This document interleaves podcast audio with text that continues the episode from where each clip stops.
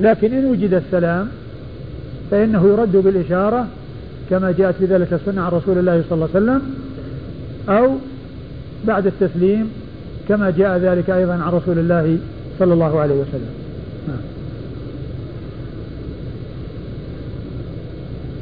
قال حدثنا أحمد بن حنبل أحمد بن حنبل أحمد بن محمد بن حنبل الإمام المشهور أحد أصحاب المذاهب الأربعة المشهورة من مذاهب أهل السنة وحديثه أخرجه أصحاب الكتب الستة. عن عبد الرحمن بن مهدي. عن عبد الرحمن بن مهدي وهو ثقة أخرج له أصحاب الكتب الستة. عن سفيان. عن سفيان وهو الثوري، سفيان بن سعيد بن مسروق الثوري ثقة فقيه وصف بأنه أمير المؤمنين في الحديث وحديثه أخرجه أصحاب الكتب الستة. عن أبي مالك الأشجعي. عن أبي مالك الأشجعي واسمه سعد بن طارق. واسمه سعد بن طارق وهو ثقة أخرجه البخاري تعليقا ومسلم وأصحاب السنن. وهو ثقة أخرجه البخاري تعليقا ومسلم وأصحاب السنن. عن أبي حازم. عن أبي حازم وهو سلمة بن دينار وهو ثقة أخرج له نعم. هذا الذي يروي عن أبي هريرة سلمان الأشجعي نص عليه سلمان الأغر سلمان الأشجعي أيوه نص عليه المنزي في ها؟ نص عليه المزي في تحفة الأشراف؟ نص عليه المزي. هو أبو سلمة أبو, أبو حازم سلمة بن دينار وأيضا هذا كلهم يروون عن أبي هريرة. كلهم يروون عن أبي هريرة. سلمة بن دينار و وهذا سلمان الأغر. فإذا كان المزي نص عليه ف... فهو يعني كما قال وهو ثقة أخرجه أصحاب الكتب الستة. وكذلك أيضا أبو حازم سلمة بن دينار كل منهما ثقة أخرجه أصحاب الكتب الستة. عن أبي هريرة. عن أبي هريرة عبد الرحمن بن صخر الدوسي صاحب رسول الله صلى الله عليه وسلم وأكثر أصحابه حديثا على الإطلاق.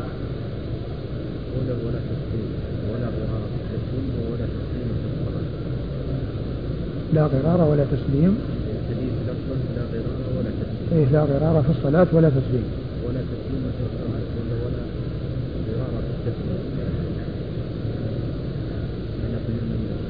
لا هو الذي يبدو الذي يبدو أنها أن الغرار أنه في الصلاة وأما التسليم آه نعم ولا تسليم في الصلاة لأنه ما في شك. الغرار فيه شك وهذا ما في شك.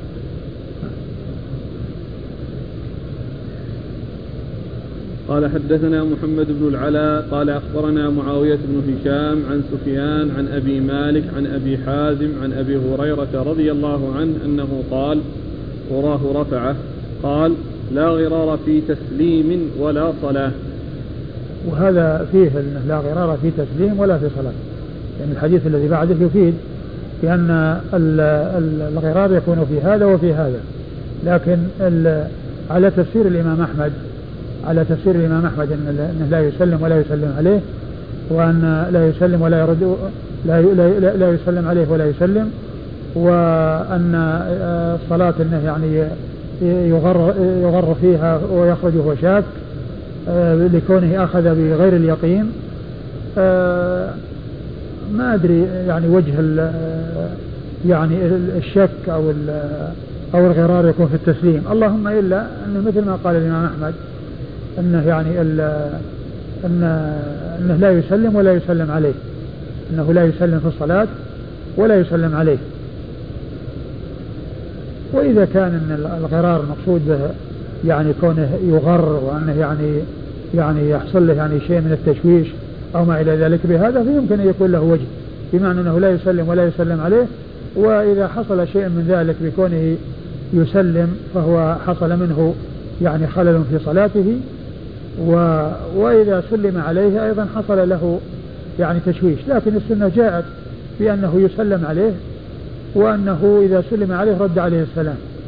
وإن كان الأولى أنه لا يسلم عليه يعني حتى لا يحصل تشويش عليه ويكون يعني قوله يعني هنا يعني آه، لا غرار في صلاة ولا تسليم على أن الأولى أو أنه يفيد أن الأولى عدم التسليم. ما دام الإنسان في صلاته أنه يعني لا يسلم على الناس. إذا قال المصلين يسلم بصوت يرفع بصوت مرتفع فيشوش عليهم. فهو ليس ليس يعني مطلوبا من الإنسان أن يسلم ولكنه يجوز له. لا يقال أن السنة أن الإنسان يسلم على الناس وهم يصلون لكن الشأن في الرد لأن الرد هو الذي يحتاج إلى يعني لأن الرد آه، ابتداء السلام. سنة ورده واجب لكن في الصلاة يعني كيف يرد؟ يعني يرد في كونه يشير أو بكونه يسلم أو يرد بعد الصلاة.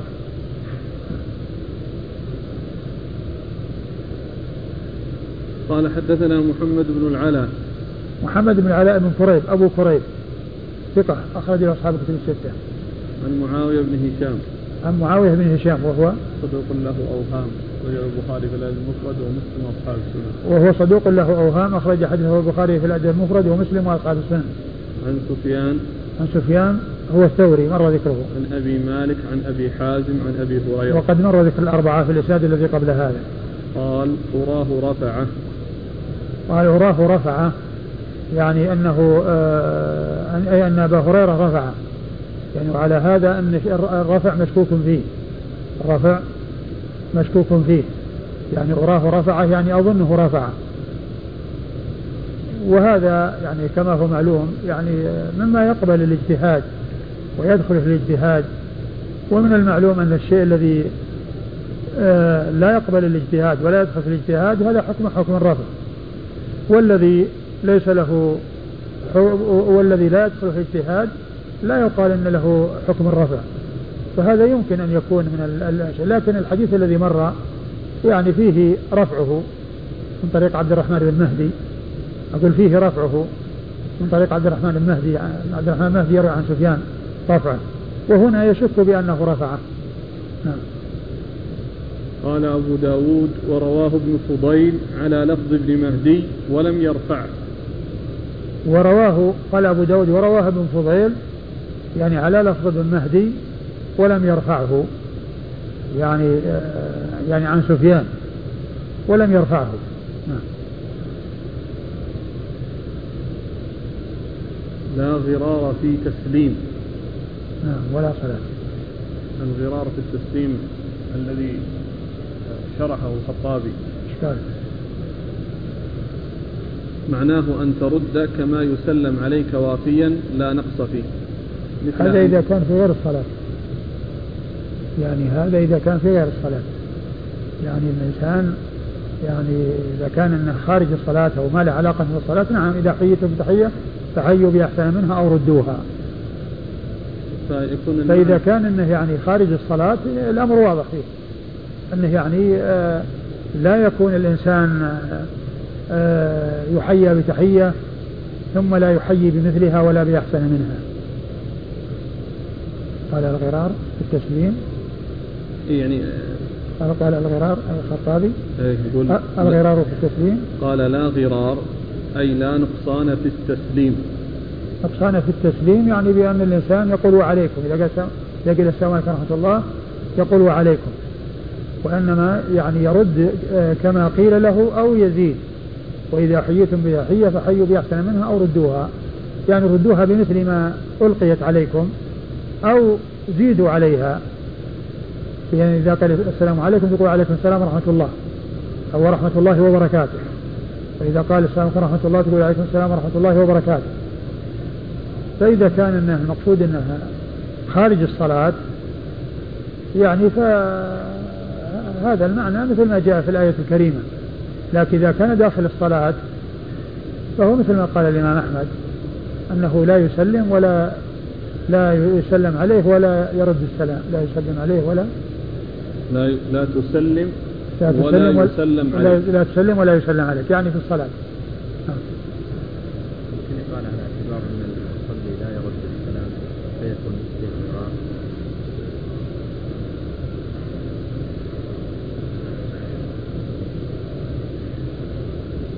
يعني الغرار يعني يعني كونه كونه لا هو ما, ما في نقصان يعني بالنسبة للصلاة.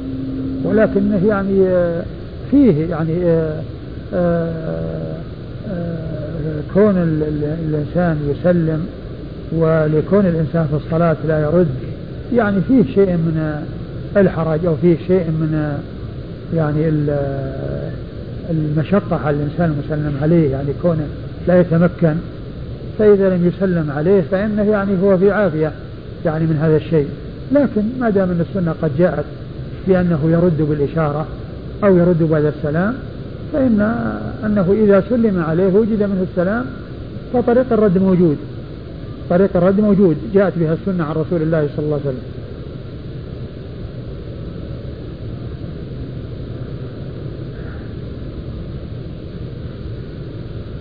قال رحمه الله تعالى باب تشميت العاطف في الصلاة.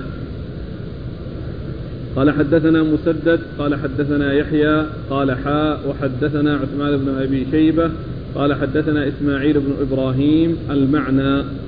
عن حجاج الصواف قال حدثني يحيى بن أبي كثير عن هلال بن أبي ميمونة عن عطاء بن يسار عن معاوية بن الحكم السلمي رضي الله عنه. قال صليت مع رسول الله صلى الله عليه وآله وسلم فعطس رجل من القوم فقلت يرحمك الله. فرماني القوم بأبصارهم فقلت واتك لأمياه ما شأنكم تنظرون إلي؟ فجعلوا يضربون بأيديهم على أفخاذهم. فعرفت أنهم يصمتوني فقال عثمان فلما رأيتهم يسكتوني لكني سكت. قال فلما صلى رسول الله صلى الله عليه وآله وسلم بأبي وأمي ما ضربني ولا كهرني ولا سبني. ثم قال إن هذه الصلاة لا يحل فيها شيء من كلام الناس هذا إنما هو التسبيح والتكبير وقراءة القرآن. أو كما قال رسول الله صلى الله عليه وآله وسلم قلت يا رسول الله إنا قوم حديث عهد بجاهلية وقد جاءنا الله بالإسلام ومنا رجال يأتون الكهان. قال فلا تأتهم. قال قلت ومنا رجال يتطيرون. قال ذاك شيء يجدونه في صدورهم فلا يصدهم. قلت ومنا رجال يخطون. قال كان نبي من الأنبياء يخط فمن وافق خطه فذاك. قال قلت جارية لي كانت ترعى غنيمات قبل أحد والجوانية إذ اطلعت عليها اطلاعة فإذا الذئب قد ذهب بشاة منها وأنا من بني آدم آسف كما يأسفون. لكني صككتها صكة فعظم ذلك على آسف. آسف كما يأسفون. يأسفون. كما يأسفون. لكني صككتها صكة فعظم ذلك علي رسول الله صلى الله عليه وآله وسلم. فقلت أفلا أعتقها؟ قال إيتي إيتني بها. قال فجئت بها فقل فقال أين الله؟ قالت في السماء. قال من أنا؟ قالت أنت رسول الله. قال أعتقها فإنها مؤمنة. ثم ورد أبو داود هذه الترجمة وهي تشميت العاطف في الصلاة. يعني حكم ذلك. يعني وأنه لا يجوز لأنه من الكلام. والمصلي لا يكلم غيره ولا يخاطب غيره. لا يكلم غيره ولا يخاطب غيره. وتشميت العاطف كما هو معلوم إنما يكون إذا حمد الله فهو في غير الصلاة. لو لم يحمد الله لا يشمت لأن السنة جاءت بأن التشميت إنما يكون مع الحمد ومع وبعد أن يحمد العاطف الله عز وجل. وإذا لم يحمد الله فإنه لا يشمت.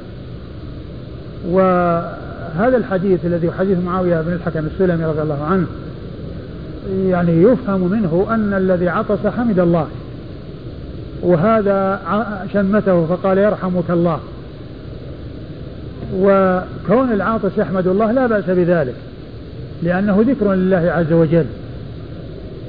وأما يرحمك الله فهذا خطاب وكلام من الشخص لغيره فليس له أن يشمته لأن كونه يشمته هو كلام يخاطب غيره وليس له ذلك ولكن كون العاطف يحمد الله لا بأس بذلك لأن حمد الله في الصلاة وذكر الله عز وجل في الصلاة سائر ولا مانع منه فالذي يبدو أن العاطس حمد الله وهو سائغ له أن يحمد الله لكن ينبغي للإنسان عندما يعني يحمد الله لا يرفع صوته وإنما بينه وبين نفسه. يكون ذلك بينه وبين نفسه. فشمته معاوية بن الحكم السلمي رضي الله عنه. فجعل الناس ينظرون إليه. فنظرا آه، يعني آه، تأثر منه. فقال في الصلاة وثك الأمياء ما لكم تنظرون إلي؟ فجعلوا يضربون أفخاذهم. يعني ففهم منهم أنهم يسكتون. وأنه يريدون منه أن يسكت وأن ينتهي. فسكت. ولما فرغ رسول الله صلى الله عليه وسلم من صلاته قال آه قال إن هذه الصلاة قال إن هذه الصلاة لا يصلح فيه شيء من كلام الناس. إنما هو التسبيح إنما هو التسبيح والتكبير والتكبير وقراءة القرآن. إنما هو التسبيح والتكبير وقراءة القرآن. أو كما قال صلى الله عليه وسلم. فالرسول صلى الله عليه وسلم بعد الصلاة بين له أن الصلاة لا يصلح فيها الكلام وأن وأنها محل التكبير والتسبيح وقراءة القرآن وذكر الله سبحانه وتعالى. فلا يكون فيها شيء من الكلام بين الناس بعضهم من بعض وكان ذلك سائغا ولكنه نسخ وانتهى. و آه، إيش قال في اوله؟ في أول الكلام أول الحديث؟ أول الحديث قال قال قال صليت مع رسول الله صلى الله عليه وآله وسلم فعطس رجل من القوم فقلت يرحمك الله نعم فرماني القوم بأبصارهم فقلت واثك لا أمية ما شأنكم تنظرون إلي؟ أيوة. فجعلوا يضربون بأيديهم على أفخاذهم. ففهمت أنهم يسكتونني فعرفت أنهم يصمتوني فقال عثمان فلما رأيتهم يسكتوني لكني سكت. قال فلما صلى رسول الله صلى الله عليه وآله وسلم بأبي وأمي ما ضربني ولا كهرني ولا سبني. قال معاوية بن الحكم السلمي يحكي ما حصل آه، من رسول الله صلى الله عليه وسلم له بعد الفراغ من الصلاة. يقول هو وأمي. يعني هو مفدي بأبي وأمي. لأن بأبي وأمي هذا ليست قسم وإنما هي تفدية. أي هو مفدي بأبي وأمي أو أفديه بأبي وأمي. ما ضربني يعني ما ضربني ما أدبه على هذا الصنيع وما كهرني يعني ما أغلظ له في القول وما سبني يعني ما تكلم عليه كلاما يسبه فيه. وإنما قال له صلى الله عليه وسلم آه وإنما قال إن الصلاة لا يصح فيها شيء من كلام الناس. وإنما قال إن هذه الصلاة لا يحل فيها شيء من كلام الناس هذا. إنما هو التسبيح والتكبير وقراءة القرآن أو كما قال رسول الله صلى الله عليه وآله وسلم. لا يحل في الصلاة كلام الناس الذي هو التخاطب فيما بينهم. لا كونه يشمت ولا كونه يتكلم بأي كلام يكون بينه وبين غيره وإنما هي الصلاة الشأن فيها إنما هو التسبيح والتكبير وقراءة القرآن. وقوله أو كما قال صلى الله عليه وسلم يعني هذا فيه يعني إشارة إلى أن اللفظ الذي جاء عن النبي صلى الله عليه وسلم أنه ما أتقن ولكن أتقن المعنى. فهذه العبارة تقال إذا كان الإنسان لم يتقن اللفظ وإنما أتى بالشيء وهو لم يضبطه تماما ولكنه أتى بمعناه وأضاف القول إلى رسول الله صلى الله عليه وسلم بهذه الصيغة فيأتي بعدها بقوله أو كما قال صلى الله عليه وسلم أو كما قال صلى الله عليه وسلم. وهذه آه، تأتي أو تستعمل كثيرا في كلام العلماء عندما يحدثون بحديث رسول الله صلى الله عليه وسلم بالمعنى ومن غير ضبط لهم بضبط منهم لألفاظه صلى الله عليه وسلم. يأتون بعدها بقوله أو آه، أو كما قال صلى الله عليه وسلم وهذا من أمثلته. يعني في هذا الحديث عن عن هذا الصحابي معاوية بن أبي حكم السلمي آه، رضي الله تعالى عنه. وكذلك أيضا جاء مثل يعني ذلك في مقدمة الإمام أبي آه، مقدمة الإمام ابن ماجه عن أنس بن مالك رضي الله عنه في ذكر حديث قال في آخره أو كما قال صلى الله عليه وسلم. بعدما ذكر الحديث قال أنس رضي الله عنه في آخره أو كما قال صلى الله عليه وسلم فهذه طريقة اتبعها أصحاب رسول الله صلى الله عليه وسلم وتبعهم عليها آه، العلماء من بعدهم يقولون في ما كان من هذا القبيل بعدما يذكرون اللفظ الذي يعزونه إلى رسول الله صلى الله عليه وسلم وهم غير ضابطين للفظه تماما يقول عقبه أو كما قال صلى الله عليه وسلم. نعم. والفائدة هذه التي أشرت إليها في سنن ابن ماجه أنا أوردتها في الفوائد المنتقاة من فتح الباري وكتب أخرى. قلت يا رسول الله إنا قوم حديث عهد بجاهلية وقد جاءنا الله بالإسلام ومنا رجال يأتون الكهان قال فلا تأتهم. آه لما آه قال رسول الله صلى الله عليه وسلم ما قال في هذا الذي حدث في الصلاة من ذلك الصحابي صار يسأله أسئلة. صار يسأل رسول الله صلى الله عليه وسلم عن أسئلة كانت معروفة عندهم في الجاهلية وهو يريد أن يعرف أن يعرف حكمها. وأن يتبين حكمها من رسول الله صلى الله عليه وسلم. وهذا يدلنا على عناية الصحابة رضي الله تعالى عنهم وأرضاهم واهتمامهم بمعرفة الأحكام الشرعية ومعرفة يعني ما يسوغ وما لا يسوغ من أعمال الجاهلية الأعمال التي كانت في الجاهلية لأن الجاهلية كان فيها أعمال وكان الناس يعملون أعمالا وقد جاء الإسلام فنهى عن أشياء منها وأقر أشياء منها. فنهى عن أشياء وأقر أشياء. فالتي أقرت من, من, من الأمور التي كانت معروفة في الجاهلية آه، ثبتت بحكم الإسلام وهو الإقرار لأن النبي صلى الله عليه وسلم لا يقر على باطل. لا يقر على باطل صلوات الله وسلامه وبركاته عليه. وهناك أمور نهى عنها وجاء النهي عنها وهي في الجاهلية. فإذا الأمور التي كانت في الجاهلية منها ما جاء الإسلام وأقره ومن ذلك الولي في النكاح كما جاء في حديث عائشة رضي الله عنها أن الرجل عندما يريد المرأة يذهب إلى وليها ويخطبها من وليها. يخطبها من وليها. يعني أن الولي هو الذي مسؤول عن عن الزواج وهو الذي يذهب إليه ويخطب منه. ف فجاء الإسلام وأقر ذلك ومثل مسألة المضاربة التي أحد دفع شخص لآخر مبلغا من المال على أن يتجر به وما حصل من ربح فهو بينهما على النسبة التي يتفقان عليها. هذه من الأمور التي كانت موجودة في الجاهلية وأقرها الإسلام وقد حصل الإجماع من العلماء عليها وهي من الأمور التي كانت في الجاهلية لكن الإسلام أقرها وأشياء كثيرة منع منها الإسلام كما جاء في هذا الحديث آه، معاوية بن الحكم السلمي حيث سأل رسول الله صلى الله عليه وسلم قال إن إن إن أقواما كانوا يأتون. قال منا رجال يأتون الكهان. قال ومنا رجال يأتون الكهان يعني في الجاهلية. قال فلا تأتهم. يعني لا, لا يجوز أن يذهب إلى الكهان. وقد جاءت الأحاديث عن رسول الله صلى الله عليه وسلم في المنع من الذهاب إلى الكهان وبيان خطره. وخطر الذهاب إليهم وخطر تصديقهم فيما يقولون.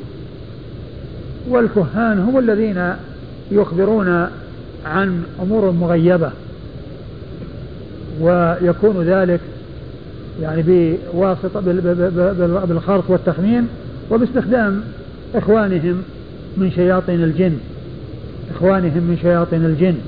فإن الشيء إذا كان موجودا يمكن أن يطلع عليه ويخبر عنه بسرعة يمكن أن يكون آآ آه، آآ آه، إخوانهم من شياطين الجن يمكن أن يخبروا عن الشيء الذي يطلعون عليه ولا يطلع عليه آه، الإنس.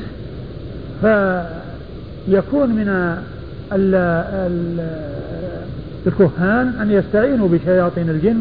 الكهان وهم شياطين الإنس يستعينون بشياطين الجن.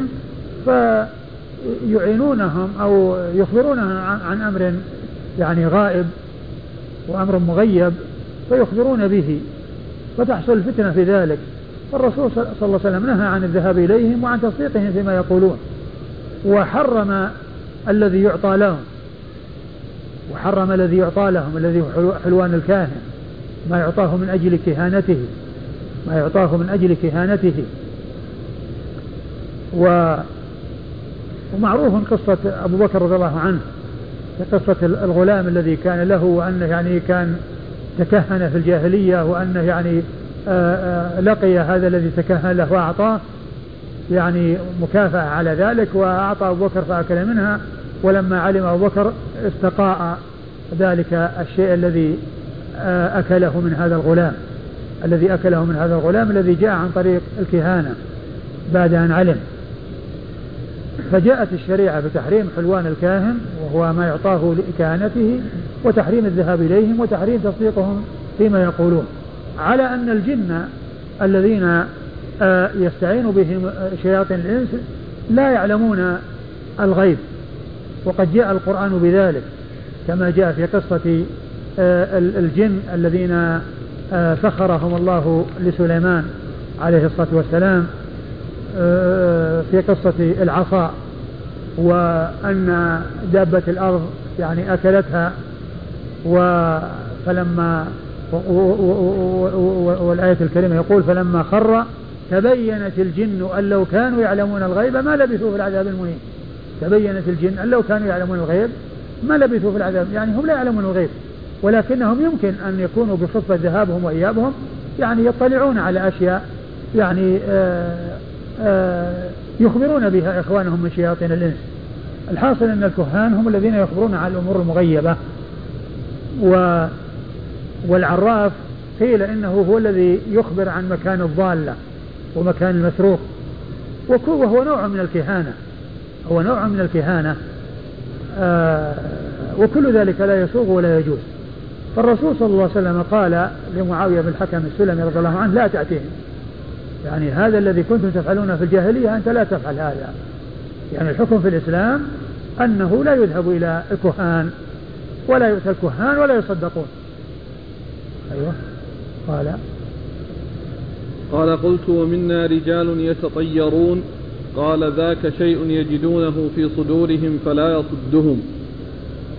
قال ومنا أناس يتطيرون. يعني يتطيرون يعني نسبة إلى الطيور التي كان يعني إذا خرجت أرادوا سفر فخرجت أو جاءت يعني من جهة اليمين يعني آه، تفاءلوا وسافروا وإذا جاءت من جهة الشمال عدلوا عن السفر بسبب ذلك بسبب طيور طارت وجاءت من هنا أو من هنا.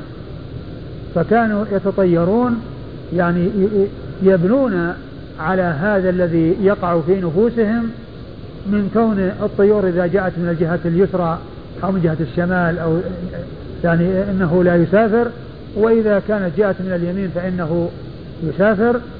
فالرسول صلى الله عليه وسلم قال هذا شيء يجدونه في نفوسهم فلا يصد. يعني هذه الأمور التي كانوا يفعلونها في الجاهلية وكانوا يتطيرون ويعني إذا جاءت الطير من جهة اليمين سافروا وإذا جاء من جهة تركوا لا يصد هذا وإنما يقدمون على ما يقدمون عليه ولا يلتفتون إلى هذه الطيور وما يحصل منها كونها جاءت من هنا أو جاءت من هنا. ذاك شيء يجدونه في صدورهم فلا يصدهم. يعني يجدونه في نفوس في صدورهم يعني كون إذا جاءت من جهة الشمال أنه يعني فيه تشاؤم وأن السفر يعني فيه شؤم وأن كذا فيمتنعون. قال فلا يصدهم ذلك.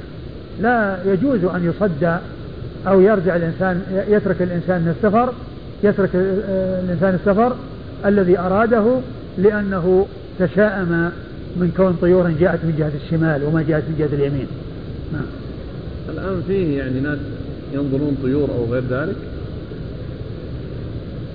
ما أدري هل يوجد. هذا أو لا يوجد. لا أدري في ناس يتشائمون من أرقام معينة.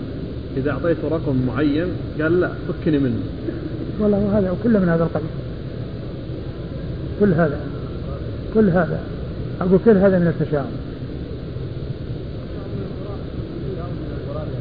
كيف تشاءم القرآن؟ موجود عندهم.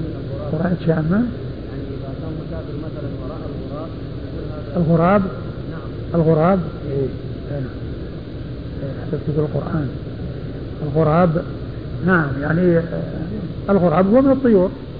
أقول هو من الطيور يعني. بعض الباعة إذا استفتح بيعه بأعرج أو بأعمى تشاءم من ذاك كل هذا غلط. كل هذا غلط وجهل. وضعف عقل.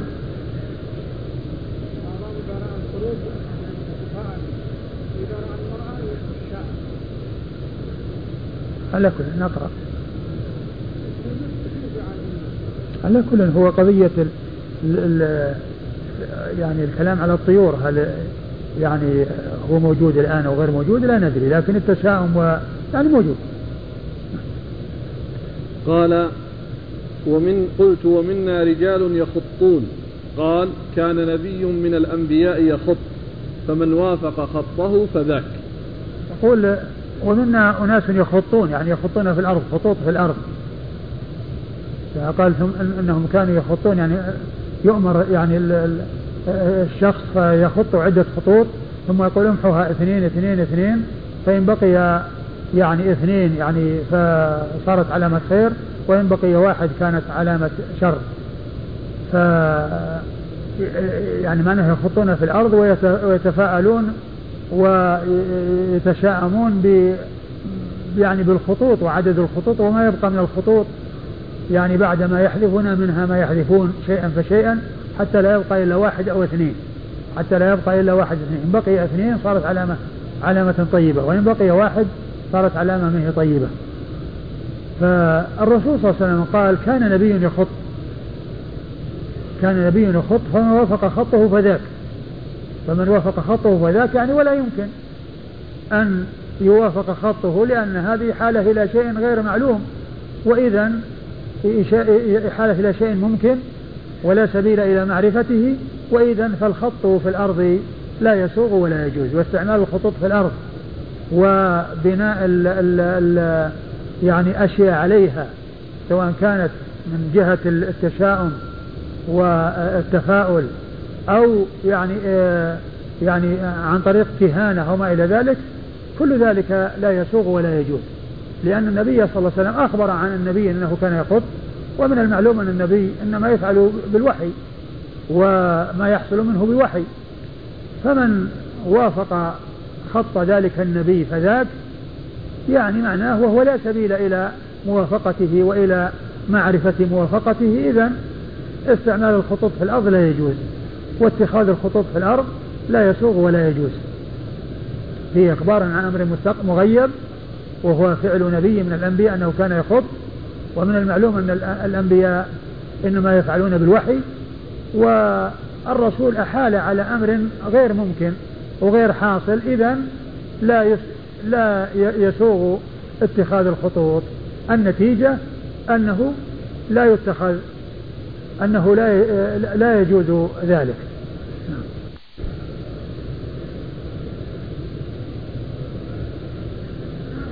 الطيرة والاعتماد على هذه الخطوط من الشرك الأكبر أو الأصغر؟ والله كما هو تشاؤم أقول هو تشاؤم يعني يعني يبدو أنه يعني ما يكون من الشرك الأكبر لأن يعني هذا من التشاؤم يعني يعني هو كل شيء بقضاء الله وقدره ولكن يقول هذه علامة شر وهذه علامة خير ها؟ تعتقد إيش؟ إذا كان يعتقد أن أن أن, الخطوط أو أن غير الله عز وجل هو الذي من الغائبين يعني هو الذي ينفع هذا هو هو الشرك. وأما إذا كان يعني شيء وقع في باله وقع في باله أن هذا يعني آه، علامة خير أو هذه علامة شر هذا ما يكون شرك أكبر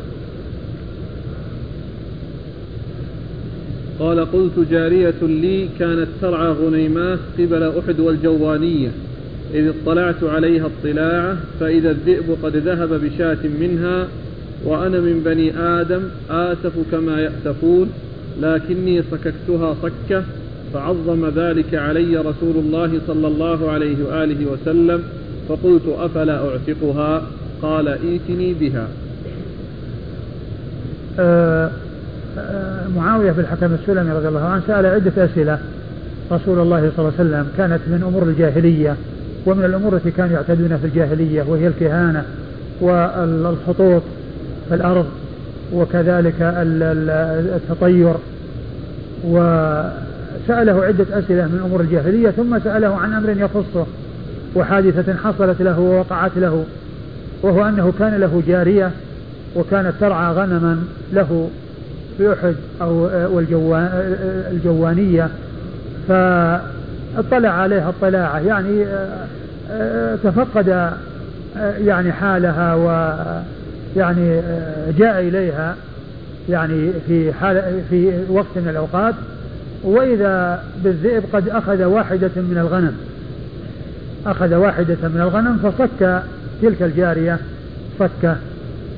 فيعني آه عظم ذلك رسول الله صلى الله عليه وسلم عليه يعني يعني بين صلى الله عليه وسلم أن هذا عظيم وأن هذا خطير وأن هذا لا يسوق ولا يجوز يعني آه أن فعله هذا غير سائغ كونه يضربها ويصكها ويحصل منه يعني لها هذا الإيذاء. فعظم ذلك رسول الله صلى الله عليه وسلم يعني إنه أمر عظيم وأمر خطير يعني لا لا يصلح ولا يليق. قال أفلا أعتقها يا رسول الله؟ قال ائتيني بها. فجاء بها فقال لها أين الله؟ قالت في السماء. قال من أنا؟ قالت أنت رسول الله. قال أعتقها فإنها مؤمنة. سألها رسول الله صلى الله عليه وسلم عن الله عز وجل فقال أين الله؟ فقالت في السماء. وهذا يدلنا على أن خير الخلق وسيد الخلق صلى الله عليه وسلم سأل بأين الله. وأن ذلك سائغ وجائز. والله تعالى في السماء. لكن إيش المقصود في السماء؟ السماء هو العلو. السماء هو العلو. كلما على وارتفع فهو سماء. فلا يعني يفهم آه يعني يفهم يعني من الحديث أن المقصود بالسماء السماء المبنية وأن الله تعالى تحويه السماوات وأنه يكون في داخل السماوات لا يفهم من هذا وإنما المقصود من ذلك العلو ومن المعلوم أن كل ما على وارتفع هو علو فبالنسبة لنا كل ما فوقنا هو سماء لنا. ومن المعلوم أن العرش فوقه سماء. العرش فوقه سماء هو علو. والله تعالى في العلو الذي فوق العرش. لا يحويه شيء لا يحويه شيء مخلوقاته ولا يحل في شيء مخلوقاته. هو مباين المخلوقات. الله تعالى خلق الخلق و يعني وكان هو الموجود وحده وخلق الخلق ولما خلقهم ما حل فيهم ولا حلوا فيه.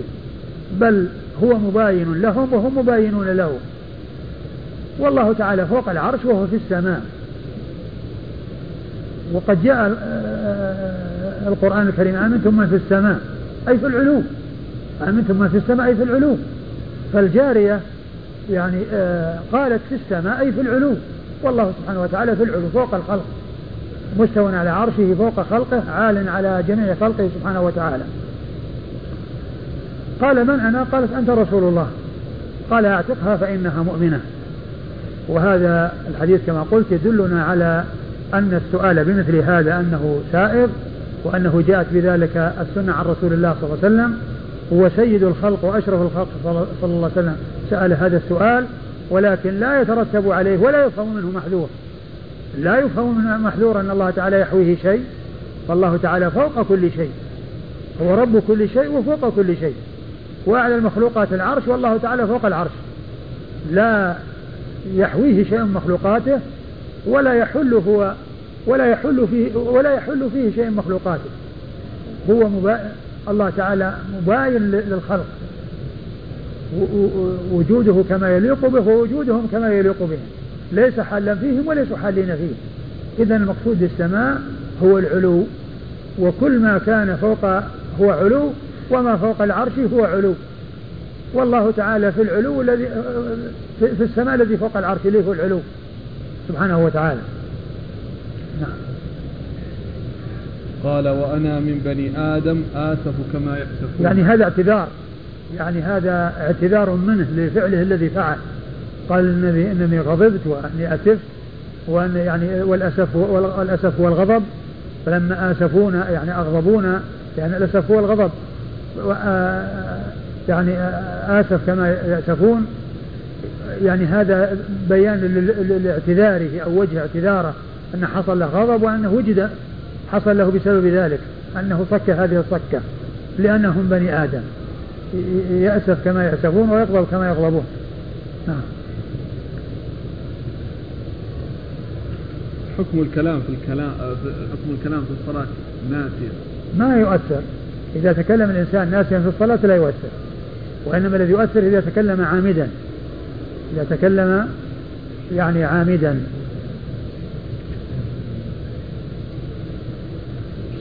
وكان يعني يعني ال يعني تكلم متعمدا أما إذا تكلم ناسيا ناسيا أو مخطئا فإن ذلك لا يؤثر. ربنا لا تؤاخذنا إن نسينا وأخطأنا. ها؟ إيش؟ فوق العرش السماء. كل ما علا فهو سماء. كل ما فوق كل ما علا فهو سماء. وما دون العرش مخلوق. الخلق وما العرش وما دونه مخلوق. والله تعالى لا يحل في شيء مخلوق. والسماء الذي فيها الله عز وجل هو الذي فوق العرش.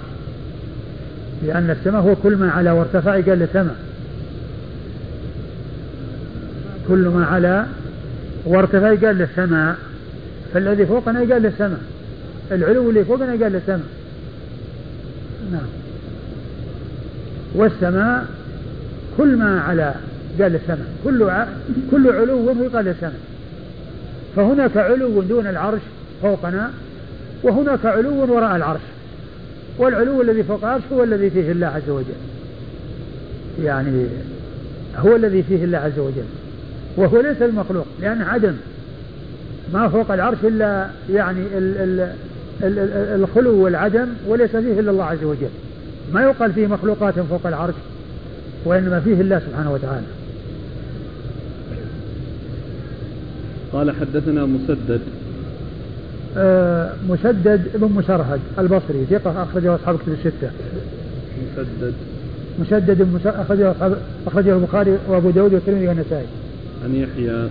عن يحيى بن سعيد القطان. ثقة أخرجه أصحاب كتب الستة. قال حاء وحدثنا عثمان بن أبي شيبة. قال حاء وحدثنا عثمان بن أبي شيبة. ثقة أخرجه أصحاب الكتب إلا إلا الترمذي. عن إسماعيل بن إبراهيم. عن إسماعيل بن إبراهيم بن مقسم الأسدي. وهو ثقة أخرج له أصحاب الكتب الستة. المعنى. المعنى أي أن هاتين الطريقين اتفاقهما إنما هو في المعنى وليس في الألفاظ. عن حجاج الصواف. عن حجاج الصواف ثقة أخرجه أصحاب الكتب الستة. عن يحيى بن أبي كثير. عن يحيى بن أبي كثير اليمامي وهو ثقة أخرجه أصحاب الكتب الستة. عن هلال بن أبي ميمونة. عن هلال بن أبي ميمونة وهو ثقة أخرجه أصحاب الكتب الستة. عن عطاء بن يسار.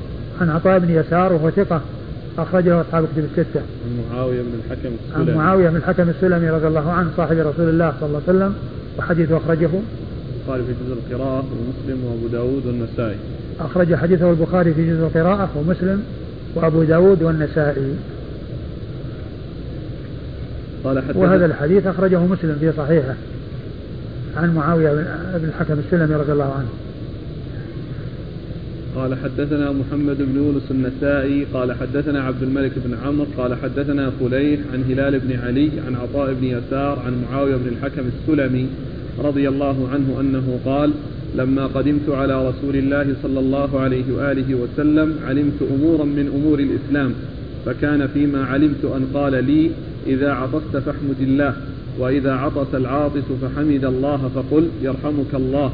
قال فبينما أنا قائم مع رسول الله صلى الله عليه وآله وسلم في الصلاة إذ عطس رجل فحمد الله فقلت يرحمك الله رافعا بها صوتي. فرماني الناس بأبصارهم حتى احتملني ذلك. فقلت ما لكم تنظرون إلي بأعين شذر. قال فسبحوا. فلما قضى رسول الله صلى الله عليه وآله وسلم قال من المتكلم؟ قيل هذا الأعرابي. فدعاني رسول الله صلى الله عليه وآله وسلم. فقال لي إنما الصلاة لقراءة القرآن وذكر الله عز وجل وذكر الله جل وعز. فإذا كنت فيها فليكن ذلك شأنك. فما رأيت معلما قط أرفق فما رأيت معلما قط أرفق من رسول الله صلى الله عليه وآله وسلم. ثم أرسل ثم أورد أبو داود حديث معاوية بالحكم السلمي رضي الله عنه من طريق أخرى. وفيه ما بعض الذي بعض ما في الذي قبله وفيه زيادة أنه قدم على رسول الله صلى الله عليه وسلم وتعلم شيئا من أمور الإسلام. وأن النبي صلى الله عليه وسلم علمه أنه إذا عطس أن يحمد الله وأنه إذا آه يعني أن أن أن من يسمعه يعني آه يشمته ويقول يرحمك الله وأنه بينما هو يصلي مع رسول الله صلى الله عليه وسلم إذ عطس رجل من القوم فحمد فحمد الله. فحمد الله يعني أي الرجل العاطس فشمته معاوية بن الحكم السلمي رضي الله عنه فنظر الناس إليه نظرا يعني آه يعني ساءه فقال ما لكم تنظرون إلي آه بأعين شزر آه قال فسبحوا. قال فسبحوا فسكت. ها؟ فسكت. لا قال فسبحوا. فلما قضى الرسول صلى الله عليه وسلم قال من المتكلم؟ فلما قضى رسول فلما سلم رسول الله قال, قال من المتكلم؟ قالوا هذا الأعرابي. فأخبره أن الصلاة إنما هي للتسبيح وقراءة القرآن وأن الإنسان إذا كان في الصلاة يكون هذا شأنه يعني شأنه أن يكون قارئا ذاكرا مسبحا آه لا متكلما في أمور الدنيا. آه إن شاء الله يوم الجمعة نكون في الكرسي اللي فيه الشحطية أقول إن شاء الله في الليلة القا... ليلة الجمعة القادمة نكون في الكرسي الذي يكون فيه الشحطية رحمه الله.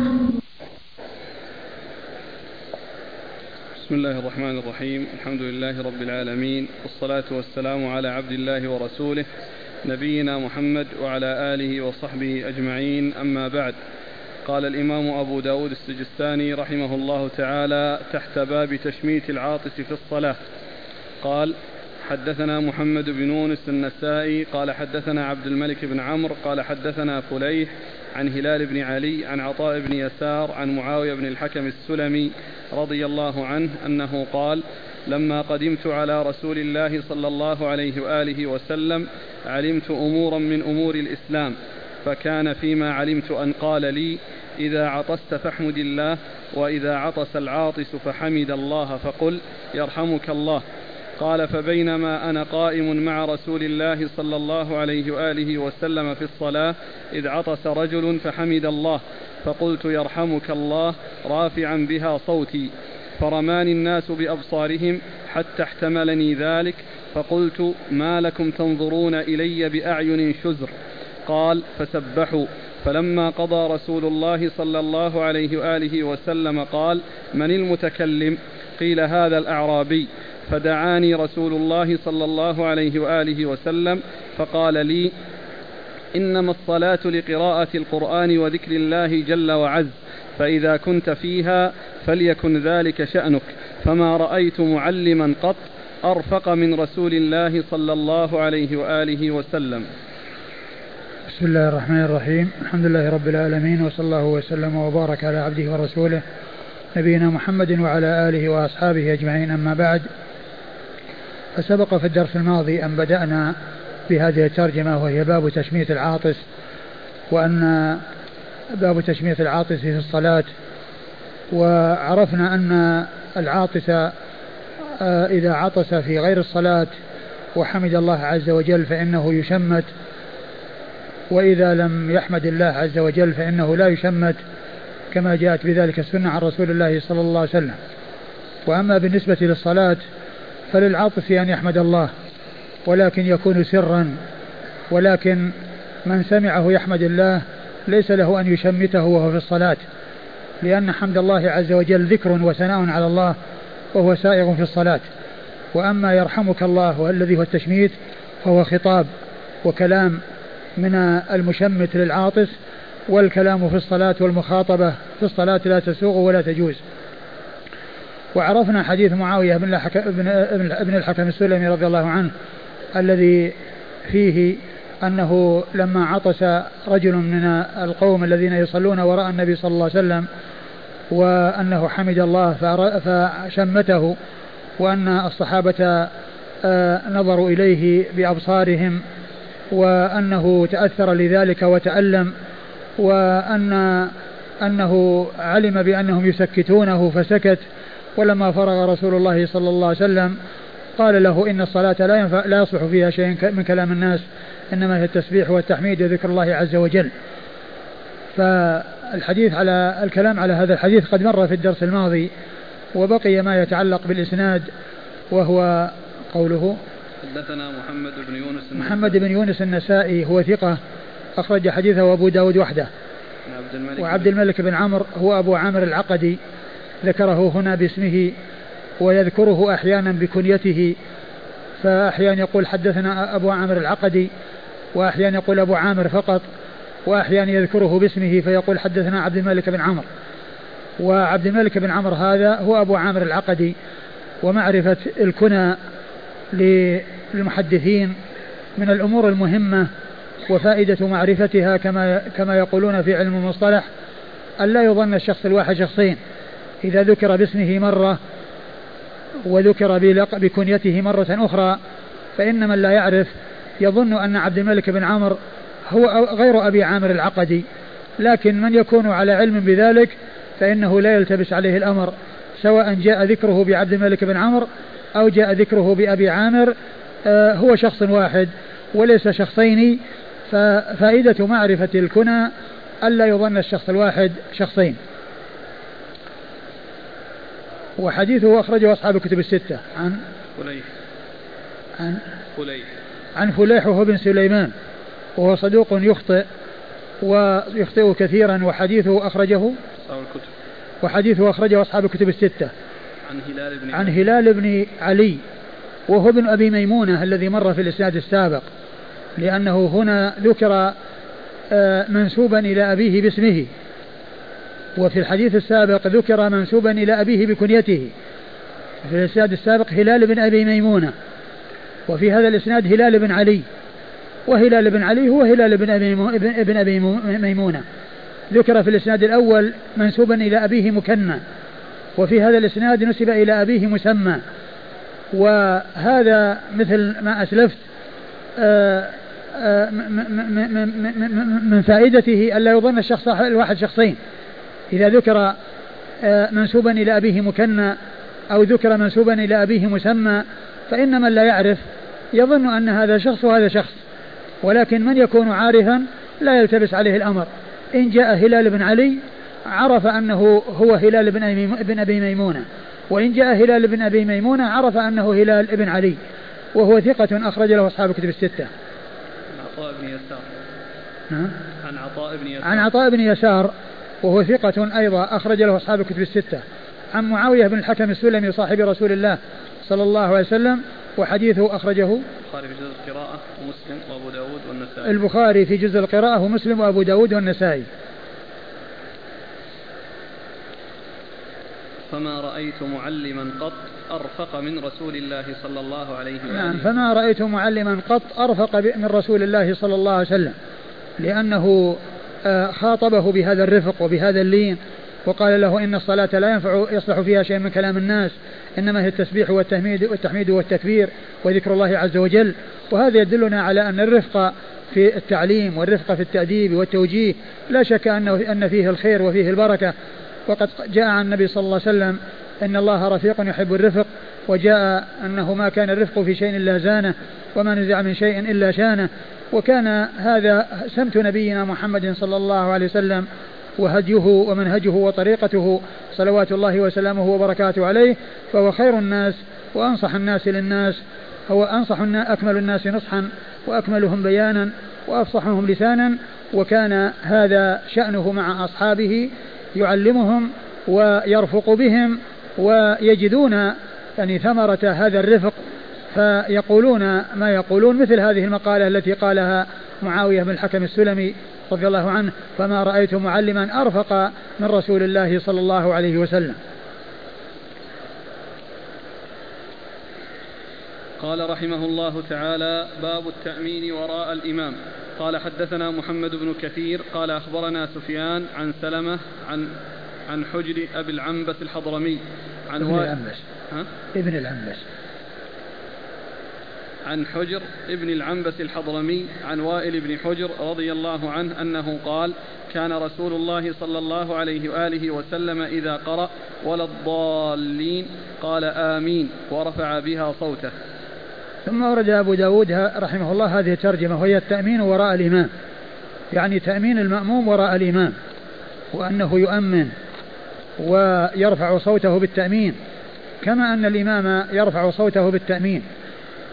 وقد جاءت السنة عن رسول الله صلى الله عليه وسلم بأن الإمام يؤمن وكذلك المأمون المأموم جاء أنه يؤمن. وجاء في هذا الحديث أن النبي صلى الله عليه وسلم كان يرفع صوته بالتأمين وليس فيه آه، شيء يتعلق بالمأموم مع أن الترجمة للتأمين وراء الإمام. الترجمة هي للتأمين وراء الإمام والحديث هذا ليس فيه إلا تأمين الإمام. وأنه يقول آمين ويرفع صوته بآمين. ولكن وجه إيراده في هذه الترجمة أن المأموم مطلوب منه أن يتابع الإمام وأن يفعل مثل ما يفعل الإمام ولا يخالفه إلا ما فيما استثني. والذي استثني هو مثل سمع الله لمن حمده فإنه لا يقولها المأموم وإنما يقولها الإمام وحده. لقوله صلى الله عليه وسلم وإذا قال سمع الله لمن حمده فقولوا ربنا ولك الحمد. ما قال فقولوا سمع الله لمن حمده.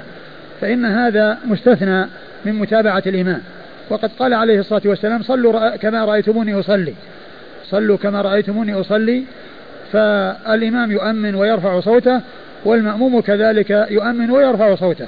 لقوله صلى الله عليه وسلم صلوا كما رأيتموني أصلي. ولا يستثنى من ذلك إلا ما جاء دليل يدل على اختصاصه بالإمام والذي جاء هو سمع الله لمن حمده فإنه يقولها الإمام ولا يقولها المأموم فالإمام يقول سمع الله لمن حمده ربنا ولك الحمد والإمام يقول ربنا ولك الحمد ولا يقول سمع الله لمن حمده. الإمام يجمع بين التسميع والتحميد والمأموم يحصل منه التحميد دون التسميع لقوله صلى الله عليه وسلم وإذا قال سمع الله لمن حمده فقولوا ربنا ولك الحمد. إذا استدلال وجه الاستدلال في هذا الحديث أو من هذا الحديث على الترجمة وهي التأمين وراء الإمام أي تأمين المأموم وراء الإمام مأخوذ من جهة أن النبي عليه الصلاة والسلام قال صلوا كما رأيتموني أصلي والإمام يرفع صوته يقول آمين ويرفع صوته فكذلك الإمام المأموم يقول آمين ويرفع صوته استنادا إلى أن الإمام يقتدى به وأنه يتبع وقد قال عليه الصلاة والسلام صلوا كما رأيتموني أصلي. ففي الحديث دليل على مشروعية التأمين في حق الإمام وكذلك الجهر بالتأمين أيضا في الإمام من الإمام وفيه أيضا دليل على أن المأموم يتبع الإمام من جهة الحديث الآخر الذي هو قوله صلى الله عليه وسلم صلوا كما رأيتموني أصلي وستأتي أحاديث عن النبي صلى الله عليه وسلم فيها أمر المأمومين بأن يؤمنوا تبعا للإمام وأنه إذا قال غير مغضوب عليهم ولا الضالين فليقل المأموم آمين. يعني يؤمن إذا أمن الإمام فأمنوا. ولكن هذا الحديث ليس فيه تنصيص على تأمين المأموم ولكن وجه الاستدلال به على تأمين المأموم من جهة أن المأموم مأمور بأن يقتدي بالإمام ولا يخالفه إلا فيما استثني ولم يستثنى ذلك بل جاء في السنة ما يدل على أمر المأموم بأن يؤمن إذا أمن الإمام. نعم. كان رسول الله صلى الله عليه وآله وسلم إذا قرأ ولا الضالين قال آمين ورفع بها صوته. هذا الحديث كان رسول الله صلى الله عليه وسلم وكان تدل على الدوام والاستمرار وأن هذا شأنه دائما ولكن كان قد تأتي ولا يراد بها الاستمرار. قد تأتي كان أحيانا لا يراد بها الاستمرار ولكن الغالب عليها أنها تستعمل في الدوام والاستمرار. فكان صلى الله عليه وسلم يقول آمين إذا قال غير مغضوب عليهم ولا الضالين أي أنه كان هذا شأنه وأنه مستمر على ذلك. وقد تأتي كما قلت كان لا يراد بها الاستمرار ولكن يراد بها المرة الواحدة. ومن ذلك الحديث الذي جاء عن أم المؤمنين عائشة رضي الله عنها وأرضاها أنها قالت كنت أطيب رسول الله صلى الله عليه وسلم لإحرامه قبل أن يحرم ولحله قبل أن يطوف بالبيت. فإن قولها ولحله قبل أن يطوف بالبيت هو إنما حصل في مرة واحدة وهي في حجة الوداع. وقد قالت كنت أطيبه لحله قبل أن يطوف بالبيت. فإذا هذا يدلنا على أن كان قد تأتي يراد بها المرة الواحدة. ولكن الغالب في استعمالها أنها للدوام والاستمرار وهذا الذي معنا في الحديث هو مما هو من قبيل الدوام والاستمرار وأن هذا هديه صلى الله عليه وسلم وأن هذا فعله. قال حدثنا محمد بن كثير. محمد بن كثير هو العبدي وهو ثقة من كبار شيوخ البخاري و وقد وهو يروي عن وهو وقد أخرج حديثه أصحاب الكتب الستة وهو يروي عن سفيان. وسفيان هو الثوري. سفيان بن سعيد بن مسروق الثوري ثقة فقيه. وصف بأنه أمير المؤمنين في الحديث وحديثه أخرجه أصحاب الكتب الستة. وهو من المتقدمين في الوفاة.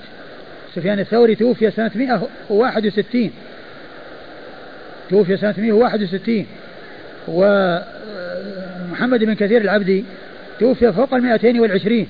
ولكنه عمر تسعين سنة.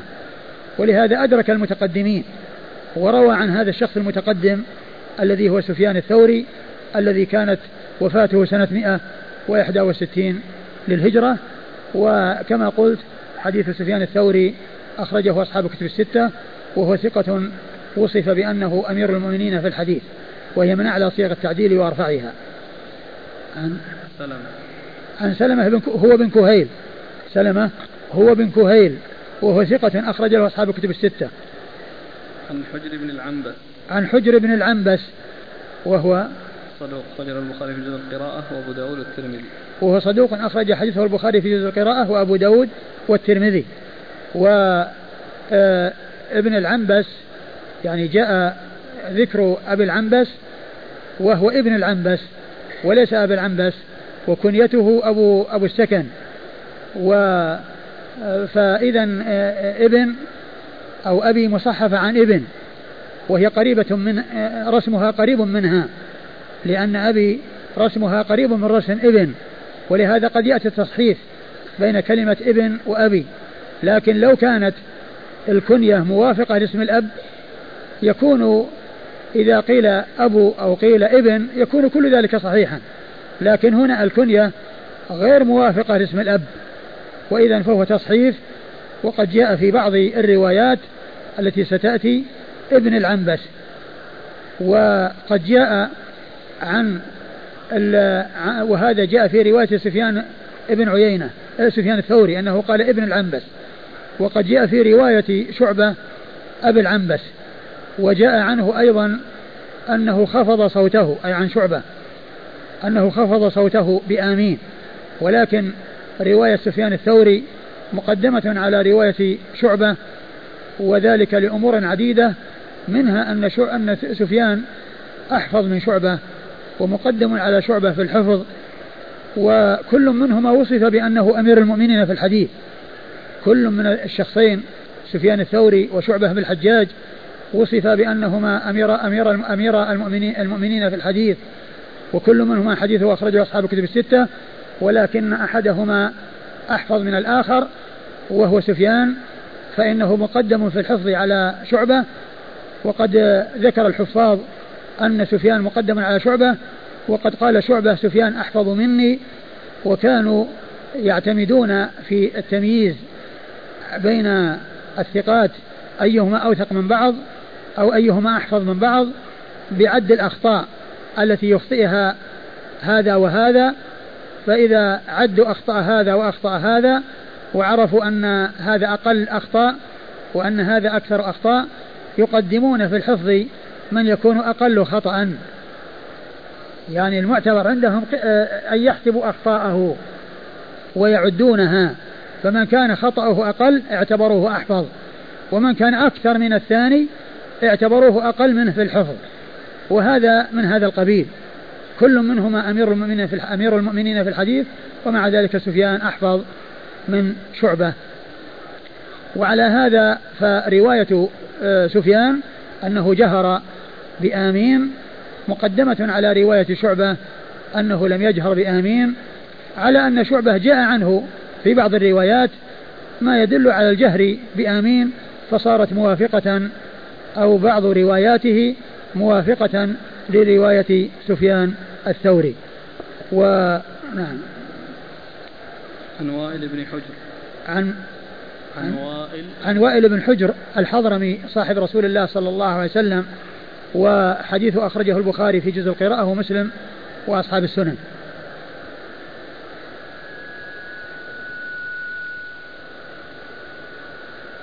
قال حدثنا مخلد بن خالد الشعيري قال حدثنا ابن نمير قال حدثنا علي بن صالح عن سلمة بن كهيل عن حجر بن عنبس عن وائل بن حجر رضي الله عنه أنه صلى خلف رسول الله صلى الله عليه وآله وسلم فجهر بآمين وسلم عن يمينه وعن شماله حتى رأيت بياض خط بياض خده. ثم ورد أبو داود حديث وائل بن حجر رضي الله عنه من طريق أخرى وفيه أنه جهر بآمين. أي أنه قال آمين وجهر بآمين عندما قرأ سورة الفاتحة وأنه سلم عن يمينه وشماله حتى رأى بياض خده. يعني ذكر آه كونه جهر بآمين وذكر تسليمه عند الخروج من الصلاة وعند الفراغ من الصلاة عن يمينه وعن شماله حتى رأى بياض خده صلى الله عليه وسلم. فهذا يدلنا على ما دل عليه الحديث الأول من الجهر من التأمين من الإمام والجهر بآمين وأن المأموم يتابعه في التأمين وفي الجهر وأنه ويدل أيضا على أن التسليم يكون مرتين أو تسليمتين تسليمة عن اليمين وتسليمة عن الشمال. صلوات الله وسلامه وبركاته عليه. نعم. قال حدثنا مخلد بن خالد الشعيري. حدثنا مخلد بن خالد الشعيري وهو صدوق. ثقة.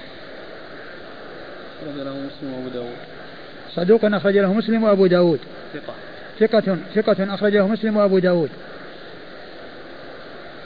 عن ابن نمير. عن ابن نمير وهو عبد الله بن نمير وهو ثقة أخرج له أصحاب الكتب الستة.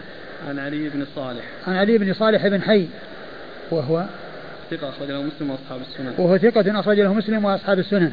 عن سلمة بن كهيل عن حجر بن عنبس عن وائل بن حجر. وقد مر ذكر الثلاثة. قال حدثنا نصر بن علي قال أخبرنا صفوان بن عيسى عن بشر بن رافع عن أبي عبد الله بن عم أبي هريرة عن أبي هريرة رضي الله عنه أنه قال كان رسول الله صلى الله عليه وآله وسلم إذا تلا غير المغضوب عليهم ولا الضالين.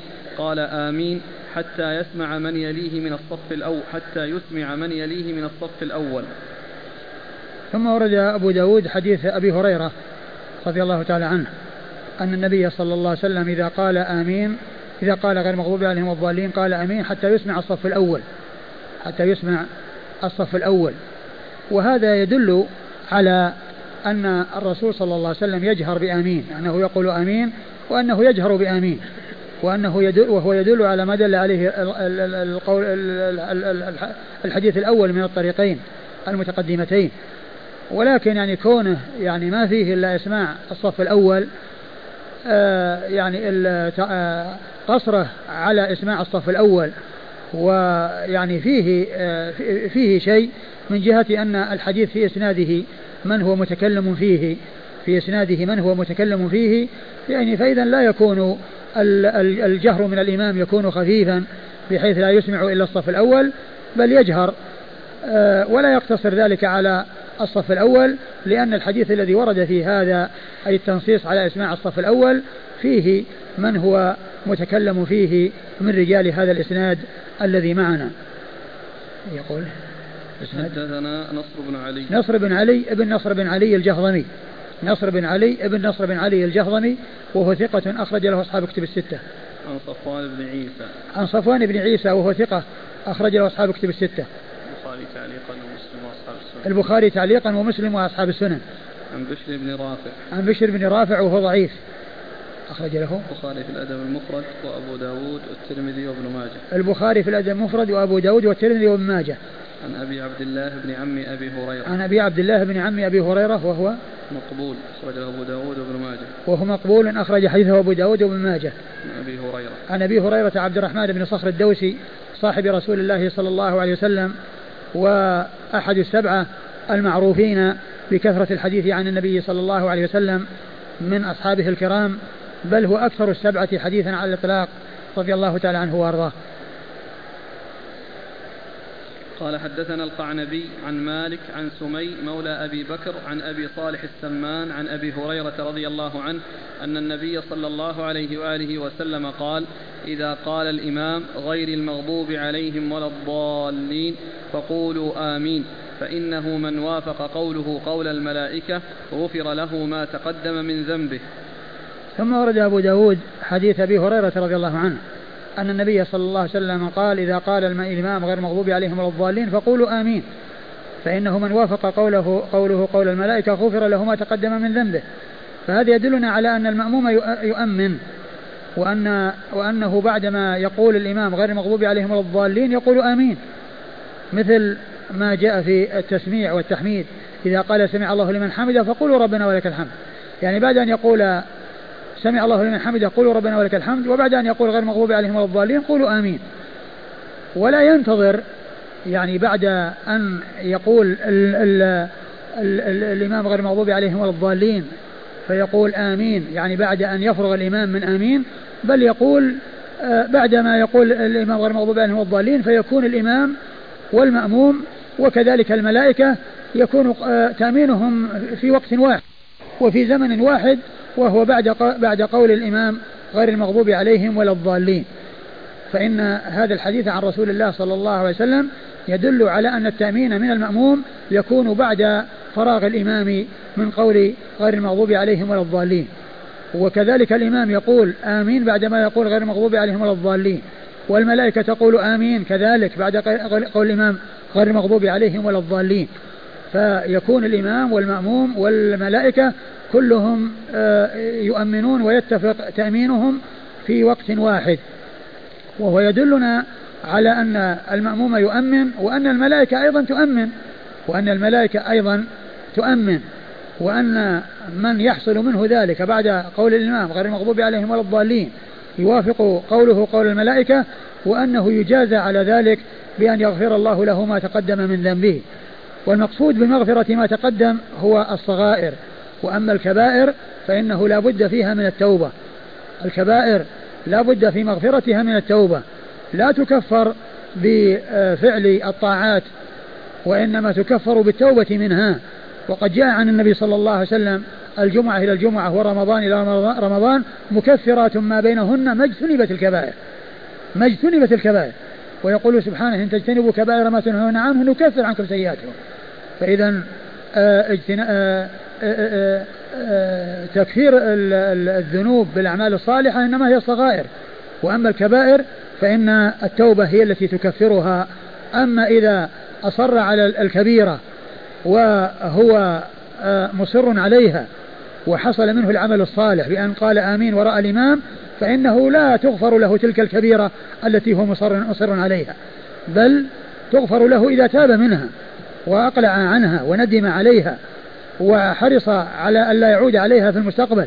لأن هذه شروط التوبة شروط التوبة ثلاثة أن يقلع عن الذنب بأن يتركه نهائيا وأن يندم على ما قد مضى وأن يعزم في المستقبل على ألا يعود إليه.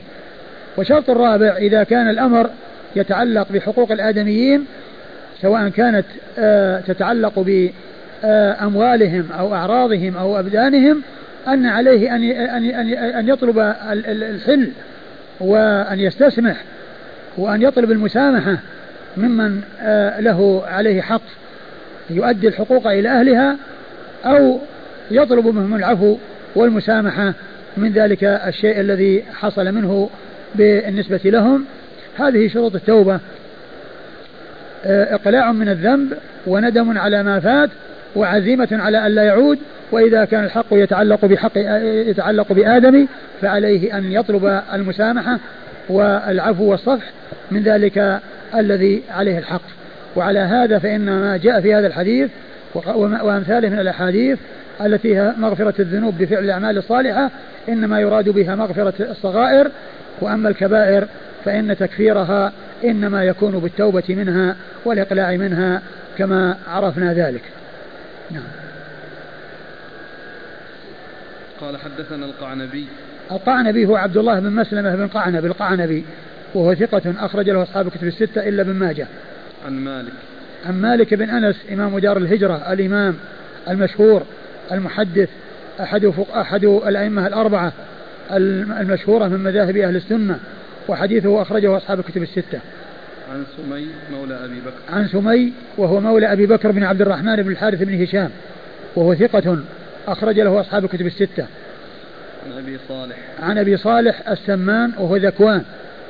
أبو صالح كنيته واسمه ذكوان ولقبه السمان ويقال له الزيات لأنه كان يبيع الزيت وكان يبيع السمن فقيل له السمان وقيل له الزيات.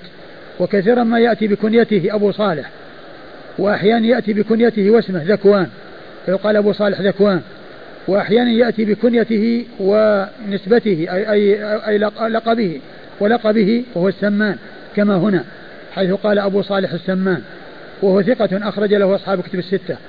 عن أبي هريرة وقد مر ذكره. قال حدثنا القعنبي عن مالك عن ابن شهاب عن سعيد بن المسيب وأبي سلمة بن عبد الرحمن أنهما أخبراه عن أبي هريرة رضي الله عنه أن رسول الله صلى الله عليه وآله وسلم قال إذا أمن الإمام فأمنوا فإنه من وافق تأمينه تأمين الملائكة غفر له ما تقدم من ذنبه. قال ابن شهاب وكان رسول الله صلى الله عليه وآله وسلم يقول آمين. ثم ورد أبو داود حديث أبي هريرة أن النبي عليه الصلاة والسلام قال إذا أمن الإمام فأمنوا فإنه من وافق تأمينه تأمين الملائكة غفر له ما تقدم من ذنبه. وهذا لا يخالف الحديث السابق الذي هو قوله إذا قال غير مغضوب عليهم ولا الضالين فقولوا آمين. فإنه من وافق تأمين تأمين الملائكة غفر له ما تقدم من ذنبه. فليس معنى قوله إذا أمن أي فرغ من التأمين أنتم أمنوا وإنما المقصود من ذلك أنه إذا وجد منه التأمين ومن المعلوم أنه يوجد منه التأمين بعد غير مغضوب عليهم ولا الضالين. فالإمام يقول بعد غير المغضوب عليهم ولا الضالين يقول آمين والمأموم يقول عند قول الإمام غير المغضوب عليهم ولا الضالين آمين. والملائكة تقول عند قول الإمام غير المغضوب عليهم ولا الضالين آمين. فيكون آه تكون الأقوال متفقة الأقوال متفقة من الإمام والمأموم والملائكة. إذا قوله أمن إذا أمن يعني آه وجد منه التأمين. إذا وجد منه التأمين أيضا يوجد منكم. وذلك بعد وقد عرفنا أنه إذا قال غير مغضوب عليهم الضالين هو قال آمين. وأنتم مأمورون إذا قال غير مغضوب عليهم الضالين أن تقولوا آمين. فعلى هذا يتفق تأمين الإمام وتأمين الملائكة تأمين الإمام وتأمين المأموم وتأمين الملائكة.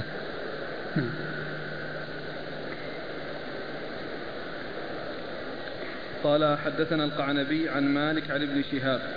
مالك القعنبي ومالك مر ذكرهما في الإسناد الذي قبل هذا. وابن شهاب هو محمد بن مسلم بن عبيد الله الزهري مشهور بالزهري ومشهور بابن شهاب وهو ثقة فقيه. أخرج له أصحاب الكتب الستة. عن سعيد, عن سعيد بن المسيب وأبي سلمة بن عبد الرحمن. سعيد بن المسيب هو ثقة فقيه من فقهاء المدينة السبعة في عصر التابعين على هو أحد الستة المعدودين في الفقهاء السبعة باتفاق. وأما السابع منهم ففيه ثلاثة أقوال. قيل أبو سلمة بن عبد الرحمن بن عوف الذي معنا في هذا الإسناد وقيل أبو بكر بن عبد الرحمن بن الحارث بن هشام الذي هو مولى سمي الذي مر ذكره في الحديث الذي قبل هذا لأنه مولاه من أعلى وسمي مولاه من أسفل. فهذا أحد فقهاء المدينة السبعة على أحد الأقوال الثلاثة في السابع منهم. والقول الثالث أنه سالم ابن عبد الله بن عمر بن الخطاب. هذه أقوال ثلاثة في السابع من الفقهاء السبعة. وأما ستة فهم متفق على عدهم في الفقهاء السبعة. وهم سعيد المسيب هذا وعروة بن الزبير بن العوام وخارجة بن زيد بن ثابت والقاسم بن محمد بن أبي بكر الصديق وسليمان بن يسار وسليمان بن يسار ومن؟ وخارج وخارج سعيد بن المسيب وخارجه بن زيد بن ثابت والقاسم بن محمد وعروة بن الزبير بن العوام وسليمان بن يسار وعبيد الله بن عبد الله بن عتبة بن مسعود. هؤلاء ستة متفق على عدهم في الوقاية السبعة والثالث والسابع فيه ثلاثة أقوال. قيل أبو سلمة الذي معنا في الإسناد. وقيل أبو بكر بن عبد الرحمن بن الحارث بن هشام وقيل سالم. ومعنا في الإسناد واحد ممن هو معدود بالفقهاء السبعة اتفاقا وواحد ممن هو معدود فيهم على اختلاف في ذلك. وكل من سعيد بن المسيب وأبي سلمة بن عبد الرحمن اتفق أخرج حديثهم أصحاب الكتب الستة.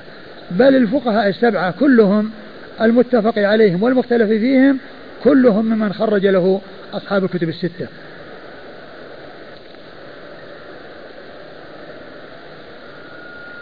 عن ابي هريره عن أبي هريرة وقد مر ذكره.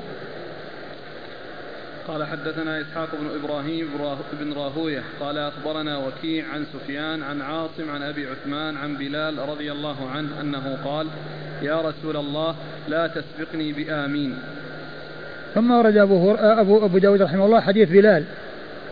بلال بن رباح مؤذن رسول الله صلى الله عليه وسلم أنه قال يا رسول الله لا تسبقني بآمين. لا تسبقني بآمين. يعني بذلك أن قيل أن معنى ذلك أنه كان يقيم وهو في مكان ليس قريبا من الإمام ثم يأتي بعد ذلك فهو يريد من النبي صلى الله عليه وسلم أن لا يقول آمين قبل أن يصل ويدخل في الصلاة ويقول آمين. ولكن الحديث آه، فيه كلام في إسناده كلام في ثبوته من جهة أن أبا عثمان النهدي الذي يروي عن أبي ذر قيل إنه لم يدرك أبا عثمان وجاء في بعض طرقه أنه قال أي أبو عثمان النهدي أن أن بلالا قال كذا وكذا. وعلى هذا يكون من قبيل المرسل الذي يقول فيه التابعي أو يحكي التابعي شيئا في زمن النبوة لم يدركه فيكون مرسلا. فروي هنا موصولا وجاء من رواية أخرى مرسل والمرسل كما هو معلوم فيه انقطاع وأبو آه، عثمان النهدي قيل إنه لم يدرك بلالا وعلى هذا فيكون منقطعا فلا يكون الحديث ثابتا عن رسول الله صلى الله عليه وسلم. قال حدثنا إسحاق بن إبراهيم بن راهوية. إسحاق بن إبراهيم بن راهوية هو إسحاق بن, بن إبراهيم بن راهوية الحنظلي المروزي ثقة آه، وصف بأنه أمير المؤمنين في الحديث وحديثه أخرجه أصحاب الكتب الستة إلا ابن ماجه. عن وكيع. عن وكيع بن الجراح الرؤاسي الكوفي وهو ثقة أخرج له أصحاب الكتب الستة. عن سفيان. عن سفيان وهو وهو الثوري. سفيان بن سعيد بن مسروق الثوري الكوفي وقد مر ذكره وهو ثقة أخرجه أصحاب الكتب الستة. عن عاصم. عن عاصم وهو بن سليمان الأحول. عاصم بن سليمان الأحول وهو ثقة أخرج له أصحاب كتب الستة. عن أبي عثمان. عن أبي عثمان النهدي وهو عبد الرحمن بن مل أو مل أو مل مثلث الميم وهو ثقة أخرج له أصحاب كتب الستة. عن بلال. عن بلال بن رباح آه، مؤذن رسول الله صلى الله عليه وسلم وحديثه أخرجه أصحاب كتب الستة.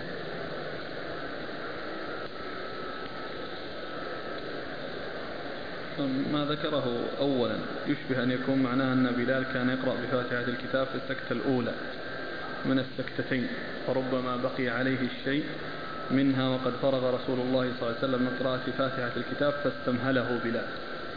استقيم هذا؟ آه هو إذا كان أنه يقرأ في السكتة الأولى يعني معناه أنه أدرك آه قبل أن يبدأ بالفاتحة قبل أن يبدأ بالفاتحة إذا كان قرأ بالسكتة الأولى. التي هي السكتة التي قبل الفاتحة وهي التي بين التكبير والقراءة. يعني فلا يكون مستقيما لأنه إذا كان بدأ قبل أن يبدأ الإمام إذا بدأ قبل أن يبدأ الإمام فمعنى هذا إذا كان قد واصل فإنه يعني آه، آه، سينتهي هو من قراءة الفاتحة قبل أن يقول الإمام غير المغضوب عليهم ولا الضالين. فالأمر غير واضح ولكن يمكن أن يكون معناه هو ما أشرت إليه آنفا من جهة أنه كان يقيم في مكان غير المكان الذي وراء النبي صلى الله عليه وسلم وأنه يأتي بعد ذلك ويقال أيضا أنه يمكن أنه كان أيضا يشتغل بتسوية الصفوف. فيمكن أن يحصل منه الرسول صلى الله عليه وسلم الفراغ من الفاتحة قبل أن يصل. فقال ما قال لكن الحديث يعني كما هو معلوم غير ثابت من جهة كونه إما مرسلا أو كونه منقطعا بين أبي عثمان النهدي وبين آه، بلال.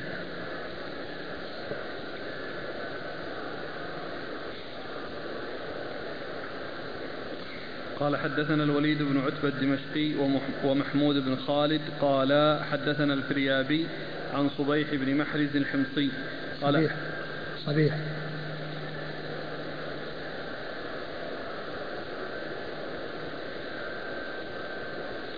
عن صبيح بن محرز. محرز. عن صبيح بن محرز الحمصي قال حدثنا أبو مصبح المقرائي. قال كنا نجلس إلى أبي زهير النمي النميري وكان من الصحابة. فيتحدث أحسن الحديث فإذا دعا الرجل منا بدعاء قال اختمه بآمين فإن آمين مثل الطابع على الصحيفة. قال أبو زهير أخبركم عن ذلك. خرجنا مع رسول الله صلى الله عليه وآله وسلم ذات ليلة فأتينا على رجل قد ألح في المسألة فوقف النبي صلى الله عليه وآله وسلم يستمع منه. فقال النبي صلى الله عليه وآله وسلم أوجب إن ختم. فقال رجل من القوم بأي شيء يختم؟ قال بآمين. فإنه إن ختم بآمين فقد أوجب. فانصرف الرجل الذي سأل النبي صلى الله عليه وآله وسلم فأتى الرجل فقال اختم يا فلان بآمين وأبشر. وهذا لفظ محمود. قال أبو داود المقراء قبيلة من حمير. ثم أورد أبو داود حديث أبو زهير النميري آه الذي فيه آه إيش قال؟ في أوله. يقول أبو مصبح المقرآي كنا نجلس إلى أبي زهير النميري وكان من الصحابة فيتحدث أحسن الحديث. فإذا دعا الرجل منا بدعاء قال اختمه بآمين فإن آمين مثل الطابع على الصحيح. ثم أورد أبو داود حديث أبو, أبو زهير النميري أنه كان يعني كان جماعة من التابعين يجلسون إليه وهو من أصحاب رسول الله صلى الله عليه وسلم. فإذا دعا أحد بدعاء قال له اختم بآمين فإن آمين مثل الطابع على الصحيفة. ثم قال ألا أخبركم؟ ثم قال أخبرهم أنهم كانوا مع النبي صلى الله عليه وسلم. أوجب إن ختم. قالوا وما يختم؟ قال إذا قال آمين. إذا قال آمين يعني أنه آه، إذا جمع بين الدعاء والتأمين أنه آه، يكون أوجب أي حصلت له الجنة أو استحق أن تحصل له الجنة. فذهب آه، رجل ممن سمع آه، رسول الله صلى الله عليه وسلم ذلك ذلك الرجل وقال له اختم بآمين وأبشر. اختم بآمين وأبشر. وهذا الحديث يدل على أن الدعاء إذا حصل من الداعي أنه يؤمن آه، في دعائه أنه يؤمن في دعائه بعدما يدعو فإنه يؤمن ويختم, ويختم بآمين. وآمين معناها اللهم استجب. كلمة آمين معناها اللهم استجب. لكن الحديث يعني هذا غير ثابت عن رسول الله صلى الله عليه وسلم. ومن المعلوم أن كثيرا من الأحاديث التي جاءت عن النبي صلى الله عليه وسلم تأتي وليس في آخرها آمين ولا يروى في آخرها أنه قال آمين. وآمين معناها اللهم استجب. فكون الإنسان يعني يرى أو يلتزم بأنه يأتي بها وأنه لا يقول دعاء إلا ويختمه بآمين ليس هناك شيء يدل عليه وهذا الحديث يدل عليه ولكنه غير صحيح. وعلى هذا فإن الأمين معناها اللهم استجب. فإذا دعا وقال اللهم استجب دعاءنا أو قال آمين في بعض الأحيان دون أن يلتزمها ودون أن يعتقد أن هذه سنة ثابتة عن رسول الله صلى الله عليه وسلم فإنه لا بأس بذلك لا يمنع منها. ولكن أن يقال أنها سنة ثابتة عن رسول الله صلى الله عليه وسلم هذا هو الذي فيه الإشكال. وقد عرفنا أن آمين معناها اللهم استجب. والإنسان يدعو ويطلب من الله أن يستجيب له. لكن كونه يلتزم ذلك في أي دعاء وأنه كالطابع على الصحيفة أي كالختم هذا الحديث آه الذي جاء فيه هذا المعنى غير ثابت عن رسول الله صلى الله عليه وسلم. قال حدثنا الوليد بن عتبة الدمشقي. الوليد بن عتبة الدمشقي هو مقبول. ثقة رجل أبو داود. ثقة أخرج له أبو داود. عن محمود بن خالد الدمشقي أيضا. ومحمود بن خالد الدمشقي وهو أيضا ثقة. وهو دمشقي أيضا مثل الأول وهو ثقة أخرج حديثه داود والنسائي بن ماجه أبو داود والنسائي بن ماجه. عن الفريابي. عن الفريابي وهو محمد بن يوسف الفريابي وهو ثقة أخرج له أصحاب كتب الستة. عن صبيح بن محرز عن صبيح بن محرز وهو وهو مقبول أخرج له أبو داود. وهو مقبول أخرج حديثه أبو داود. الحافظ يقول اختلف هل هو مفتوح أوله أو مصغر؟ وين قال فيه؟ تقريب. تقريب. ما قال الفتح في أوله؟ هو بالحرف لا. وإنما مفتوح الصاد. وفي إيه. آخر الترجمة.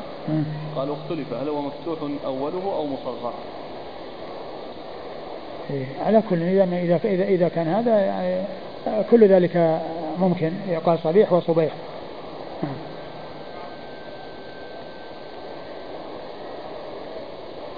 عن, وبعده.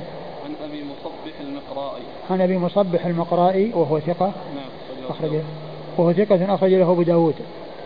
عن أبي زهير عن أبي زهير النميري صاحب رسول الله صلى الله عليه وسلم وحديثه أخرجه أبو داود. نعم.